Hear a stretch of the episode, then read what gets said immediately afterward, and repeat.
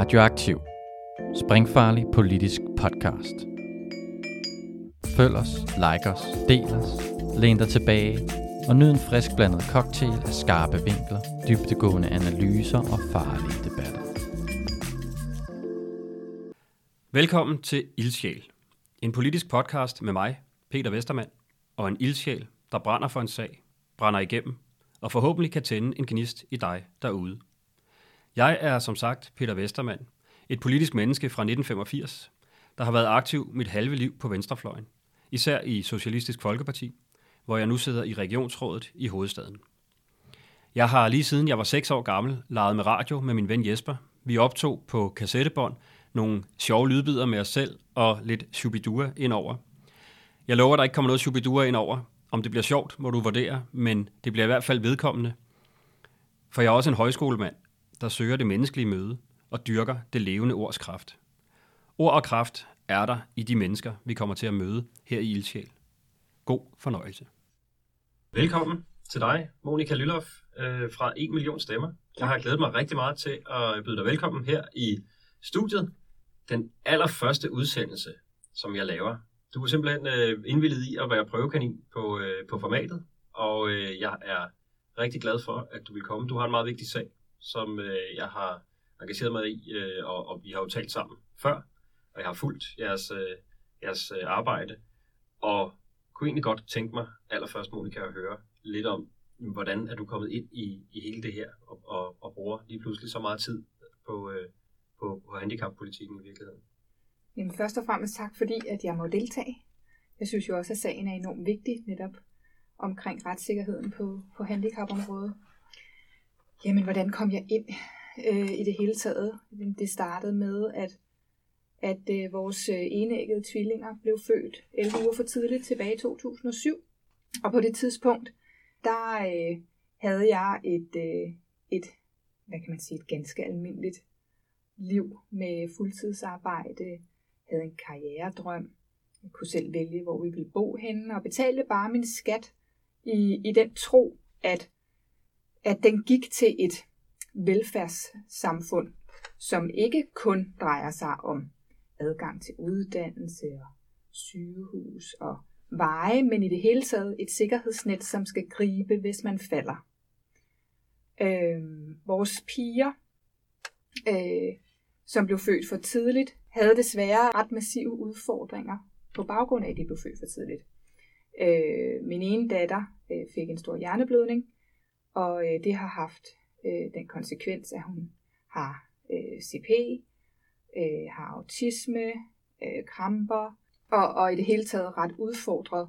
Og vores anden pige øh, fik som seksårig diagnosen ADHD og har nogle sansemotoriske forstyrrelser. Så de har ret tidligt vist sig at have behov for noget ekstra. Øh, en kompensation for at kunne være en del af øh, en børnehave og en skole og i det hele taget kunne fungere.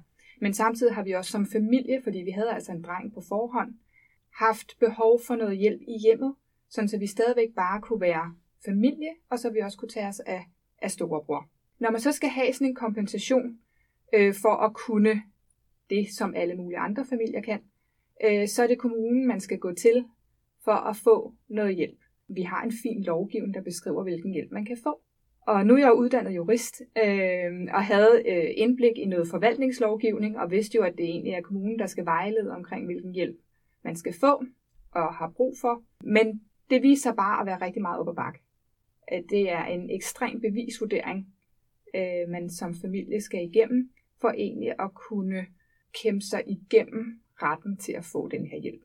Og øh, for nogle år siden viste det sig, at vores store, store dreng også havde nogle, øh, nogle diagnoser med sig. Så lige pludselig stod vi med tre børn med, med hver deres. Jeg valgte så at skrive en bog om det. Undervejs, øh, mens jeg skriver den her bog, er jeg så i kontakt med rigtig, rigtig mange mennesker, øh, som et research for fundamentet for den her bog. Og er med i rigtig, rigtig mange forskellige Facebook-grupper, fordi vores børn har så mange forskellige diagnoser, og alle grupper er diagnoseopdelt. Mm. Men de er samtidig også meget lukkede og meget hemmelige, så det er noget, der ligesom foregår i det skjulte i det danske samfund.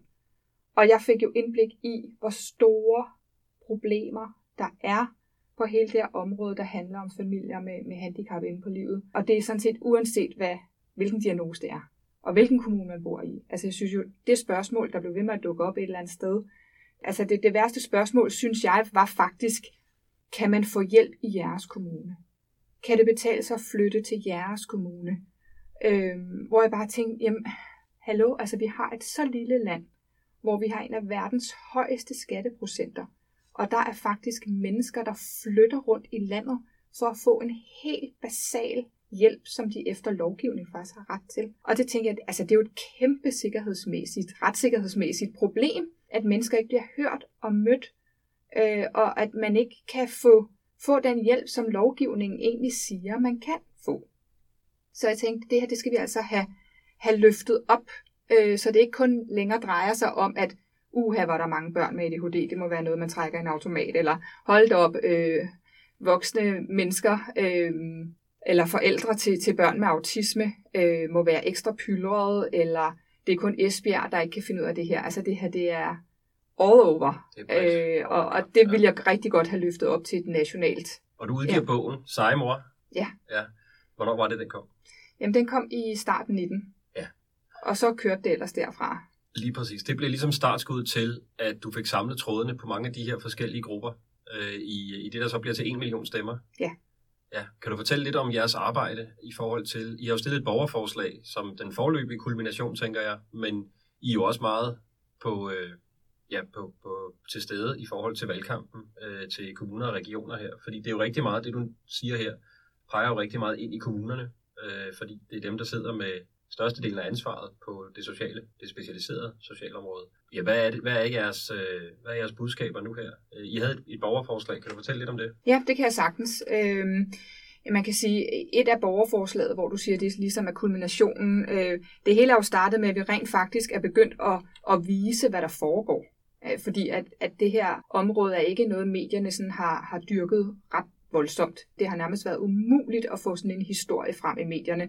Så det, at vi skabte en platform med en million stemmer, der, der får folk til at fortælle, hvad de egentlig er ude for. For man kan sige, et af de tal, som kommer frem, enten fra Ankestyrelsen eller nogle andre statistikker, men de siger ikke noget om, hvor stort problemet reelt er. Så vi kunne ligesom vise historierne. Og så havde der så været øh, folketingsvalg, og, og vi har så en, en regering, som i deres forståelsespapir angiver, at der skal kigges på handicapområdet og retssikkerheden, og om om opgavefordelingen er korrekt, eller om der skal kigges på det. Øh, og der er i gang sat en evaluering, og så var det som om, at tingene bare gik i stå. At alt, hvad der kom frem, som viste, hvor meget der er brug for øh, løsninger her og nu, blev bare skubbet til hjørne med, om vi har i gang sat en evaluering, og så må vi vente og se. Og hvor vi bare tænkte, jamen der er jo ikke nogen garanti for, at den her evaluering kommer til at ende ud med noget som helst. Altså, det kan lige så godt bare blive endnu en fin rapport, som kommer til at ligge i en skuffe, og så har man holdt folk hen på den her måde, også kaldet en syltekrukke, ikke også? Så vi tænkte, vi bliver simpelthen nødt til at få sparket den her debat gevaldigt over skinnebenet ja. og få folk op af stolene. Og derfor stillede vi det borgerforslag sidste år ja. med, med overskriften Handicapområdet skal væk fra kommunerne. Og det fik godt nok sat gang i, øh, i debatten. Fordi der var det, gang i debatten. Ja, det var der. Altså, nogen klappede i deres hænder, faktisk 53.000, som valgte at skrive under på det. På kort tid? Ja, på kun fire måneder. Ja. Og man kan sige, at det er egentlig ret vildt, når man tænker på, at det her det er et område, som normalt bliver nedprioriteret ret meget, som de færreste har lyst til, mm. eller har overskud til egentlig at sætte sig ind i, eller ja. har mulighed for. Og så var der jo den anden gruppe, og det var dem, der blev voldsomt provokeret af, at vi kom ud og sagde det her. Mm. Og jeg er sådan set ligeglad med, hvad der fik folk til ligesom at deltage i debatten. Fordi at hvis man bliver provokeret, begynder man også at tage stilling. Ja. Øh, så det skabte jo en gevaldig debat, og en debat, som jeg synes var enormt vigtig at tage, er opgavefordelingen på det her område god nok. Ja. Øh, for man kan sige, at det her det er et område, som i hvert fald de sidste fire år har, øh, har haft en, en fejlprocent på de påklagede sager på lige op omkring de 50 procent, ja. øh, og det vil man simpelthen ikke tillade nogen som helst andre steder. Vi holder lige fast i det, fordi øh, det er også noget af det, jeg har bidt mærke i. Nu har jeg slet ikke fået sagt, jeg sidder i regionsrådet for øh, SF i Region Hovedstaden. Det ved du godt, men øh, nu ved lytterne det også. En af de ting, der øh, har frustreret mig i det her, det er netop at se vilkårligheden. Altså, at det bliver lidt et postnummerlotteri, hvilken kommune du bor i, i forhold til hvad for en støtte du kan få. Og øh, når man så også ser at der over en bred kamp netop er hver anden sag, der bliver påklaget. Det er jo ikke alle, der påklager. Du nævner selv, der er mange, der ikke har ressourcer i, i det her system, som måske bare ja, får en, et, et tilbud, som egentlig er dårligere end det, de har krav på, men ikke har ressourcerne til at klage. Men af dem, der klager, der er det halvdelen, Ankestyrelsen siger, at de har ret i, at der skulle de have haft en anden hjælp, og forhåbentlig så også får det. Men, men hvad siger det dig om, øh, ja, om, om, om tilstanden ude i kommunerne? Er det, øh, hvor ligger problemet? Er det misforståelser i forhold til, hvad folk egentlig har ret til? Er det manglende ressourcer? Er det, ja, hvad, hvor ligger problemet? Øh, jeg tror, det er en kombi af manglende viden og manglende ressourcer. Og man kan sige, hvorfor er det, der det ender med at have manglende ressourcer? Er det fordi, der simpelthen er manglende viden om, man, hvordan man bruger ressourcerne rigtigt? Øh, og så bliver det bare en ond cirkel, hvor det bliver de manglende ressourcer, der bliver hovedoverskriften hele tiden. Øh, og det er der sikkert helt klart noget om. Altså det vil jeg overhovedet ikke på nogen måde afvise. Jeg synes bare, at der på en eller anden måde skulle sættes en rimelig grundig undersøgelse i gang på, hvor går alle de her milliarder egentlig hen? Mm. Vi, vi hører tal, der bliver slynget ud alle vejen. Vi bruger 50 milliarder, vi bruger 30 milliarder. Men menneskene derude får stadigvæk ikke den rigtige hjælp. Så hvor bliver de penge af? Går de til yderligere administration? Og man kan sige, en klagesag, den er, som det er hjemvist fra Ankestyrelsen, den er altså igennem kommunens hænder tre gange. Tænk, hvad det koster i ressourcer. Mm. Så er det da klart, at man er nødt til at ansætte flere socialrådgivere eller, eller sagsbehandlere, for det er ved Gud ikke alle sammen, der er uddannet socialrådgivere.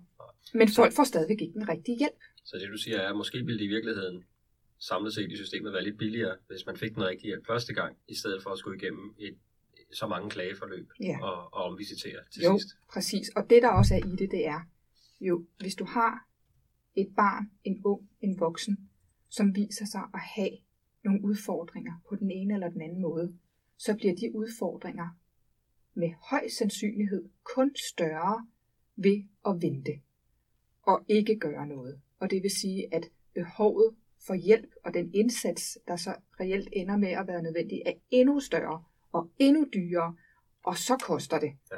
Øh, plus at jo længere tid, at systemet sætter ind, øh, eller venter med at sætte ind over for, for de udfordringer, der nu er, jamen så er der jo altså også nogle pårørende, der lige pludselig må træde til at gøre det i stedet for. Eller nogle søskende.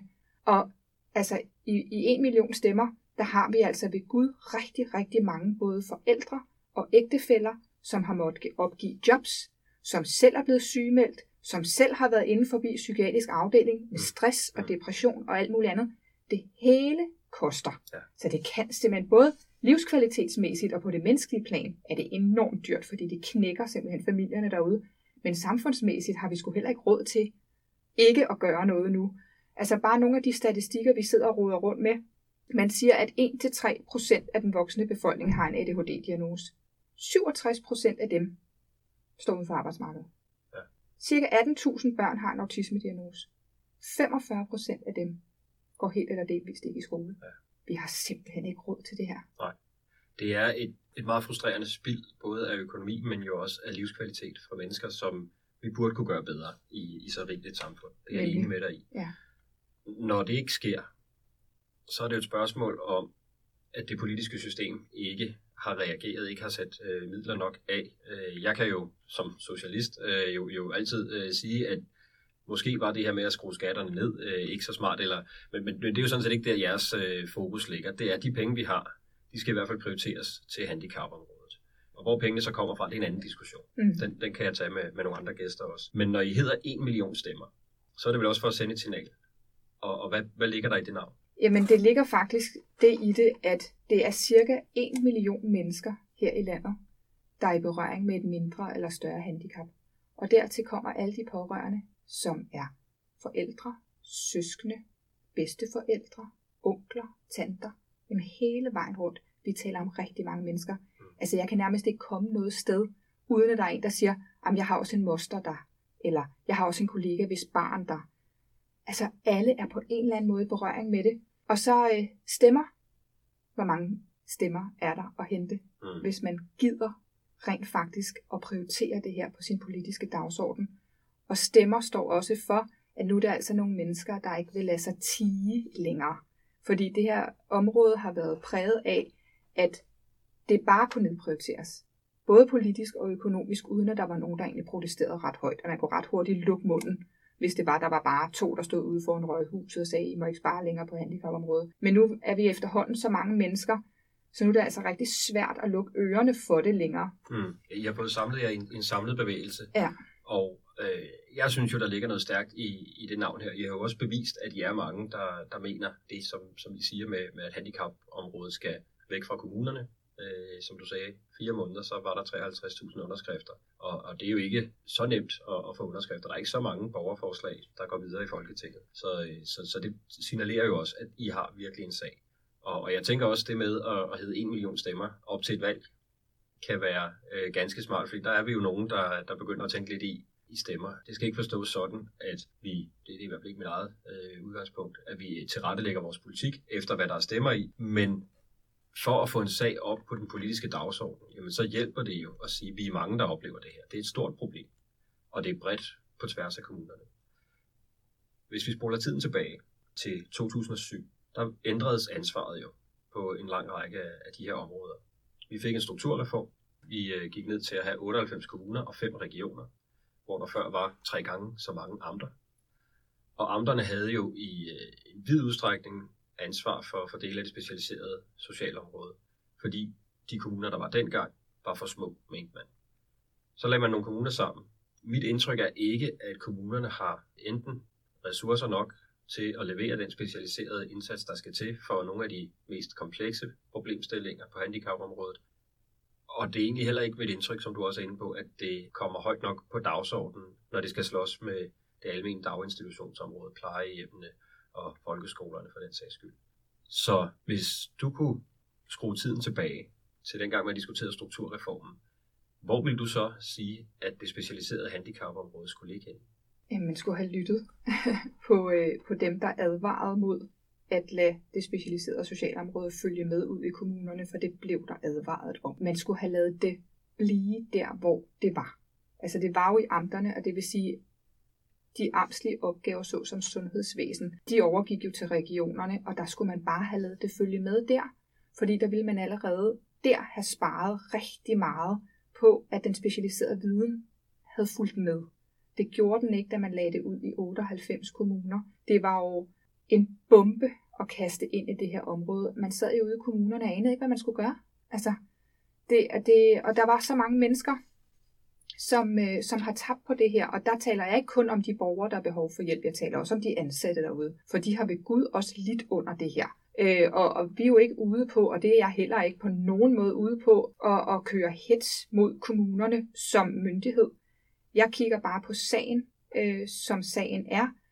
Giver det mening, at noget så omfattende, som det her er, som kræver så meget viden og midler, for det gør det, at det ligger og har øh, 98 forskellige muligheder for at forvalte det på. Er det realistisk, at hver kommune kan opbygge den viden, som det kræver? Der er jo ikke nogen kommuner, der ved alt om alt. Øhm, og, og, og det synes jeg er sørgeligt, at man på en eller anden måde har forventet, at man skulle kunne det, og at hvert budget skal kunne bære det her. For man kan sige, handicap kommer jo ikke kun af, at man fødes med en diagnose. Det kommer jo altså også lige pludselig af trafikuheld, eller en arbejdsulykke, eller et kraftforløb. Altså det kan jo komme i alle mm. mulige situationer og igennem hele livet, og kan man budgettere ud fra det i hver kommune et år ad gangen, med noget, der egentlig kræver rigtig langsigtede indsatser. Altså, jeg ser ikke andet end en stor forhindring, øh, og, og så er det, det går galt. Der er mange spor i, i det, du siger her. Det ene er øh, graden af specialisering. Altså den viden, som medarbejderne havde før Lars Løkke lavede sin strukturreform, altså det var hele VK-regeringen, men han var sundheds- og indrigsminister dengang og havde ansvaret for det. Alle de medarbejdere, som så skulle fordeles ud på kommuner, der var også mange kommuner, der så ikke kunne få nogen af de her øh, medarbejdere, og, og mange af dem, af medarbejderne, er jo også endt med ikke at arbejde med, med feltet, fordi det er for frustrerende. Så den vinkel ligger også i det. Og jeg er helt enig med dig, at det havde været bedre at samle kompetencerne i nogle regioner, når det gælder de, det specialiserede socialområde. Men hvor skal vi så lægge snittet? Fordi der er jo også nogle ting, som er relativt hyppigt forekommende af, af handicap. Er der nogle områder på socialområdet, hvor du tænker, det kunne kommunerne faktisk godt løse, hvis de blev aflastet for de mest komplekse sager? Altså hvis, hvis man lavede en, en anden øh, fordeling af det? Men jeg ved simpelthen ikke, hvor du vil lægge det snit henne, for jeg vil bare sige, at alt bliver komplekst, hvis det ikke bliver hjulpet rigtigt fra start. Ja. Og de allerstørste problemer lige nu rundt omkring i kommunerne, det er ikke en enkelt sjælden kromosomfejl. Det er ADHD og autisme, som man lige nu diskuterer, om det stadigvæk skal forblive i kommunerne. Mm. Men de kan jo ikke engang håndtere det nu. Hvordan skulle de så kunne håndtere det efterfølgende? Altså, vores øh, budskab er hele vejen, ingen skal efterlades på perronen på det her. Ja. Og det vi siger, det er, at handicapområdet er jo ikke en pakke, man bare lige løfter op med en kran og lægger over i en ny kasse, fordi så kommer helt de samme udfordringer, netop interessekonflikterne. Ikke? Altså det er jo tre forskellige myndighedsopgaver, det er, det handler om. Det er, hvem træffer afgørelsen, hvem betaler, og hvem tilbyder så den indsats, som skal gives. Ja. Og det er enten bosted, skole, hjælpemiddel, ledsagerordning, alle de her forskellige ting, der kan, der kan tilbydes. Der tænker vi jo, at afgørelserne skal træffes det sted, hvor man har viden om det, mm. hvor man kan samle specialiseringen, for det er jo der, det går galt. Ja. Det er jo både henvisning til udredningen, der går det allerede galt, og så er det selve afgørelsen om, hvilken indsats, der skal gives. Hvorfor skal det være en eller anden, øh, et eller andet visitationsudvalg på en gang på kommunen, der skal sidde og træffe den her afgørelse, som aldrig nogensinde er i tæt nærkontakt med borgeren. Mm. Man siger, at kommunerne er, er bedst til det, fordi de er nær borgerne, men dem, der træffer afgørelserne, er jo ikke nær borgerne. De har jo aldrig mødt dem. Så, så hvorfor skal det ikke være de mennesker, der, der i det hele taget har de mennesker i hænderne, som rent faktisk har et indblik i, hvad er det lige, den her familie har behov for? Og så tænker jeg, at vi skal heller ikke have finansiering fordelt ude i 98 kasser, fordi det går også galt. Det er jo helt forskellige befolkningsgrundlag og indtægtsmuligheder, man har i hver kommune. Ikke? Så lave en eller anden form for solidaritetsfinansiering, hvor at hver kommune bidrager med det antal borgere, man nu har, ind til en fælles pulje, og så bliver der lagt ovenpå for region og statsmæssigt, alt efter hvad der nu er behov for. Mm. Sådan så det ikke er hver enkelt kommune, der skal sidde og bære den her udgift, for det er ikke rimeligt. Ja. Øh, og så har vi driften. Der er mit, min klare holdning, det er dem, der er bedst til det. Ja. Helt ærligt sådan så der ikke går sådan noget monopol-ting øh, i det, og sådan så der stadigvæk er en eller anden form for sund konkurrence, øh, fordi lige så snart man fjerner enhver form for konkurrence, så, man, så mister man også kvalitet. Mm. Og det, det er jo vigtigt nemlig at se på den her tredelte opgave, myndighedsansvaret med visitation, finansieringen og driften af, af tilbud eller, eller levering af, af hjælp og støtte. Når vi har kigget på det i SF, jeg rejste øh, blandt andre medlemmer et, øh, et forslag på vores landsmøde sidste år og fik vedtaget, at vi mener, at et større del af ansvaret bør overgå til regionerne, og netop som du er inde på, der skal være en meget mere solidarisk finansieringsmodel. Fordi øh, vi kan se små kommuner være meget trængt, hvis de får bare en eller to dyre handicapsager. Og når man ser på mængden af fejl eller forkerte afgørelser, så kan man jo ikke lade være med at tænke nogle gange, at økonomi også spiller en rolle. Det får vi jo også at vide fra forskellige kanaler at der kommer nogle gange lidt uofficielle meldinger ned gennem systemet om, at øh, nu har vi altså nået budgetten, øh, eller budgetrammen øh, for, for området. I kan ikke blive ved med at bevilge støtte, hjælp. I er nødt til at se på en, en billigere, et billigere tilbud, end vi ellers skulle have, have leveret. Og det er jo et grundlæggende problem. Og en model, som, som, som du er øh, inde på, at man udregner en takst per borger, for der er jo nogle kommuner, som vil blive, altså det, det svinger jo. Nogle kommuner vil have flere i nogle perioder, og andre vil have færre nye borgere med, med handicap, der koster i form af, af støtte. Og øh, der tænker vi jo, at en kommunal, eller i virkeligheden om den er kommunal eller regional, er jo sådan set underordnet, men, men en takst baseret på indbyggertallet, det er jo så alt efter om det er i kommunen eller, eller regionen, og så kombineret med, med den takstfinansiering, vi kender lidt i dag. For vi har jo også en række tilbud, Region Hovedstaden driver 19 øh, tilbud under det, vi kalder den sociale virksomhed, hvor mange af dem har, har med forskellige handicap at, at gøre. Det kan være bosteder eller institutioner som, som skoler og, og, og så videre. Og de er jo taksfinansieret, så det er kommunen, der skal betale det. Men hvis vores tilbud er dyrere end et tilbud, de vælger at oprette selv, så vælger de ofte at bruge deres eget tilbud, også selvom kvaliteten ikke er sådan, som borgeren har krav på. Det er den ene udfordring, vi ser. Den anden er jo nogle gange, at kommunerne helt hjemtager en opgave. Det har de jo fået lov til med strukturreformen at sige, jamen det her, der før var amtsligt og nu måske kører regionalt, det vil vi faktisk gerne hjemtage for den kommune, som tilbuddet ligger i. Der kender jeg til eksempler med for eksempel en, en øh, pige, der er født øh, døv, og hvis familie flyttede fra Københavns Kommune til Tornby. Jeg tror, de flyttede en, under en kilometer. Men øh, lige pludselig en ny kommunegrænse, og så kan den her pige, Leonora, ikke gå i den vuggestue, som øh, har den specialiserede viden, og, og, og de pædagoger, der kan tegnsprog og, og så videre på, på et niveau, så hun kan udvikle sig. Og det er for mig voldsomt frustrerende, at en stor kommune hjemtager nogle tilbud, som før var armslige og tilgængelige for flere, og så ligger der nogle små kommuner rundt om den større kommune, og deres borgere har ikke nogen øh, mulighed. Så, så hvad, hvad gør vi i, øh, i, i sådan en situation, hvor kommunerne har hjemtaget en række opgaver og, og tilbud, og du siger, at det, det er ikke så væsentligt, hvem der driver tilbuddet, men det skal jo være tilgængeligt for alle, tænker jeg. Hvad, hvad har I af, af tanker omkring det? Jamen, vi har jo den tanke, at vi, hvis man opsplitter de her myndighedsopgaver, så kommer der heller ikke samme interessekonflikt med, at økonomien viser, hvilken retning man skal gå. Øh, for hvis vi har en anden myndighed, som træffer afgørelsen og visiterer, så er det, skulle det meget gerne være øh, afkoblet fra interessen i at henvise til eget tilbud kun af økonomiske årsager. Så på den måde tænker jeg, at man vil kunne gøre op med den problematik, for, fordi det er simpelthen så frustrerende at stå og kigge på, at hver kommune efterhånden opretter deres eget såkaldte specialiserede tilbud, men hvor de samler stort set alle former for diagnoser sammen. Og det giver simpelthen så mange problemer. Både på skoleområdet og i, på bosteder. Så konsekvenserne er begyndt at vise sig, de ansatte vil jo ikke være der. Så, så dem, der rent faktisk er uddannet til at varetage de her opgaver, de holder jo op. Så det bliver øh, vikar, øh, der kommer ind ad døren som sådan en svingdør.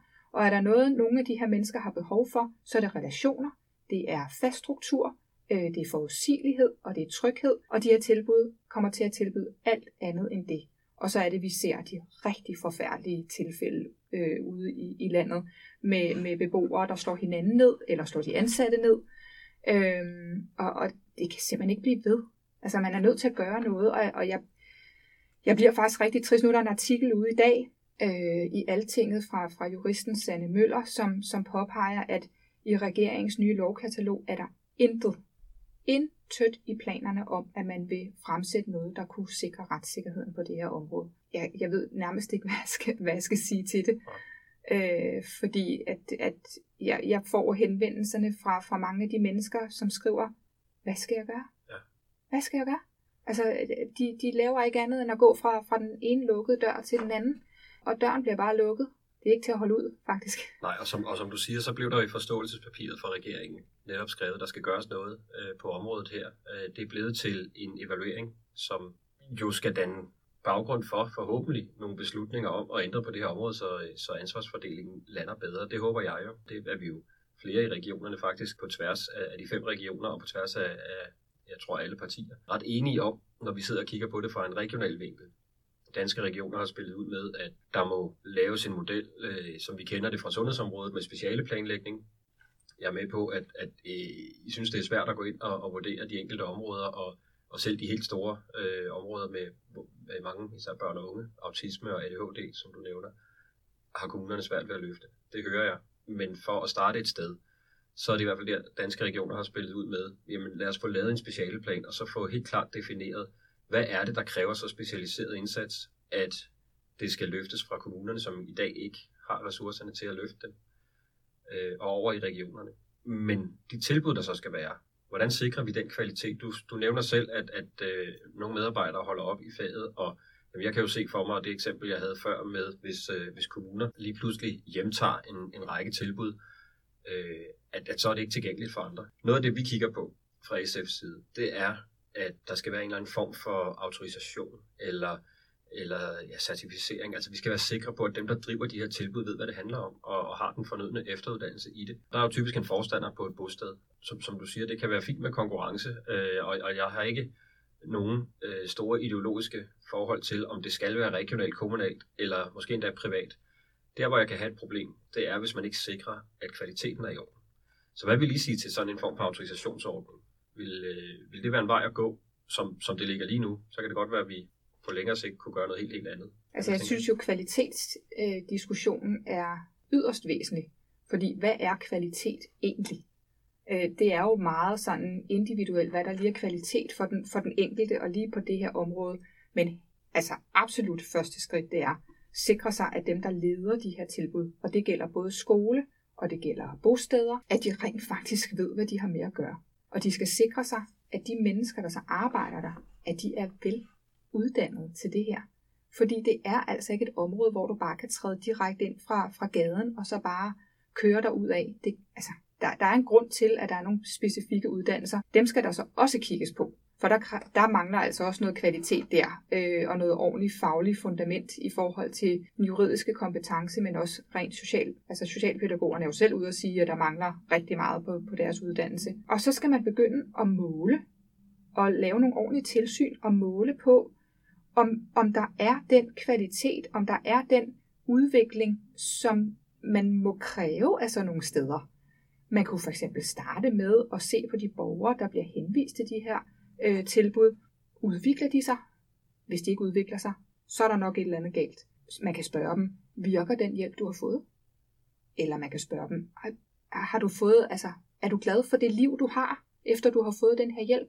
Hvis de ikke svarer ja til det, så bliver man nok lige nødt til at kigge på, om det er en ommer, eller om der er noget andet, der skal sættes ind, ligesom man gør i alle mulige andre sammenhænge. Man kan jo ikke gå ud af Elgiganten, før man har fået en brugerundersøgelse kastet i nakken og spørge, var du glad for den service, du fik? Ikke?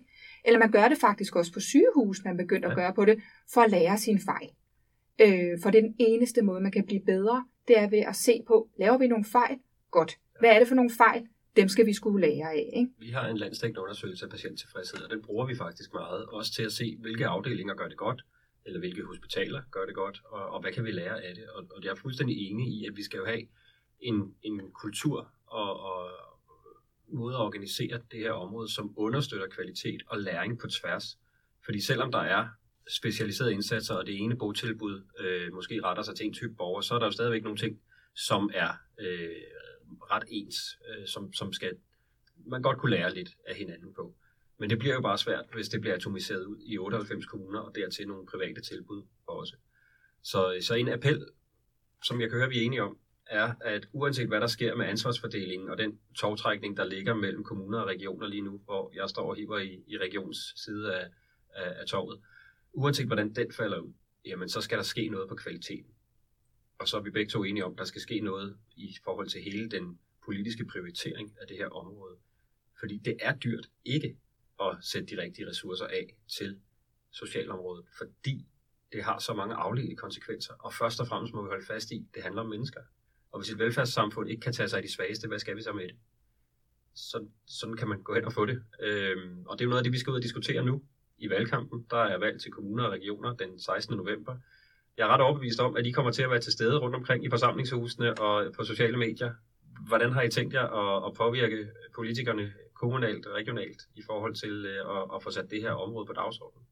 Jamen altså, vi har rent faktisk fået øh, samlet nogle kommunegeneraler sammen, øh, så vi næsten har nogle, øh, hvad kan man kalde, ja, vi kalder dem kommunegeneraler rundt omkring i alle kommuner, som er blevet øh, tovholdere på at holde styr på, øh, hvornår der er valgmøder, hvor er de henne, hvilken kommune er det.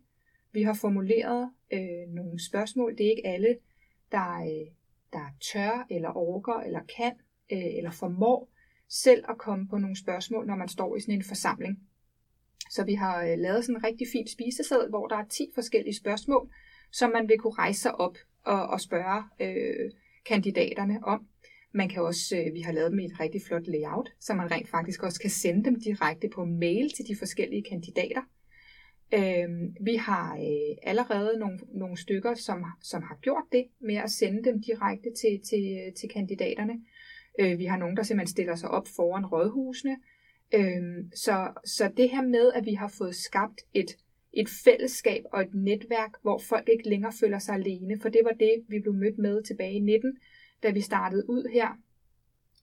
Alle derude troede, at de var helt alene omkring det her, for det var det, de havde fået at vide, at de var en enkelt sag. Men det viser bare, at der var bare rigtig, rigtig og alt for mange enkeltsager, og nu er vi jo altså et netværk øh, med, med, med følgere på, på 32.000 mennesker øh, i en million stemmer, Så det har givet folk noget gejst og noget håb og noget drive øh, og noget mod til at ture stille sig frem, fordi de ved, der er altid nogen, der har min ryg.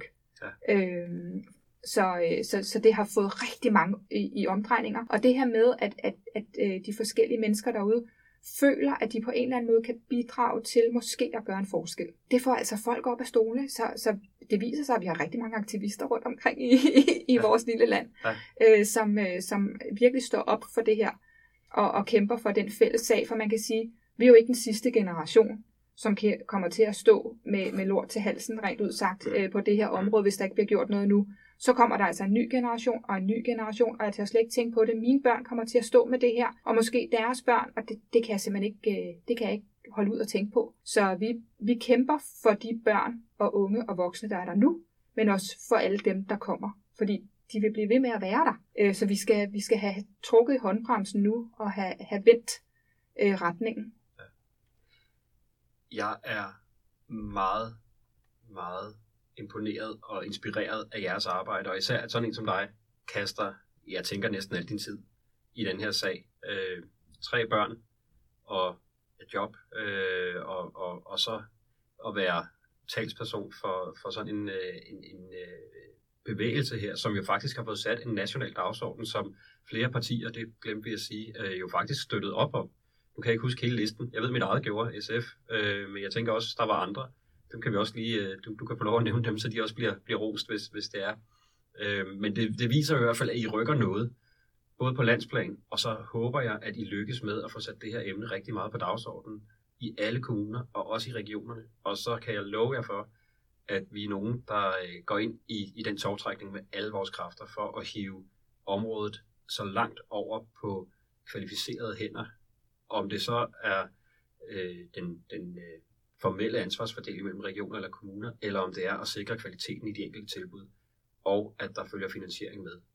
Fordi du har ret i, som du sagde tidligere, det er jo ikke bare gjort med at rykke det fra det ene sted til det andet. Hvis vi overtager et område i regionerne, uden at have de fornødne midler til at, at løfte det, jamen så, så er det bare os, der sidder og må skuffe en masse borgere, og den situation ønsker jeg selvfølgelig heller ikke at komme i. For det vigtigste er, at vi leverer de tilbud, der, der er behov for. Det har I krav på, både som pårørende og og også alle de mennesker, der lever med forskellige handicap. Og det har vi egentlig også øh, krav på som samfund, at vi kan se os selv i øjnene og vide, at vi yder så god en indsats som overhovedet muligt for, øh, for mennesker med særlige behov. Og så tror jeg faktisk på, at det, som vi også har været inde på, langt hen ad vejen, er billigere at sætte tidligt ind med den rigtige indsats, end at vente og, og, og se problemerne udvikle sig. Men Monika, du skal have tusind tak, fordi du kom og øh, var med til at, at starte den her øh, radio-podcast op, som, øh, som jeg har ambitioner om skal køre. Og det kan være, at vi ses igen i det her format, og vi ses helt sikkert derude. Jeg har allerede i min kalender, at vi skal mødes i, til, til nogle af de møder, som I også er med til at arrangere i løbet af valgkampen. Så tusind tak, og held og lykke med, med den fortsatte kamp. Mange tak. Tak til Monika for hendes brændende engagement, som jeg føler brænder igennem mikrofonen her. Det håber jeg også, du gør derude. For det her, det var første afsnit af Ildsjæl. Men hold øje med kanalen, fordi der kommer mere. Der er flere ildsjæle, vi skal ud og fange ind i studiet, og jeg glæder mig til at præsentere dem for dig, så vi sammen kan blive klogere på, hvad der er behov for at få forandret her i samfundet.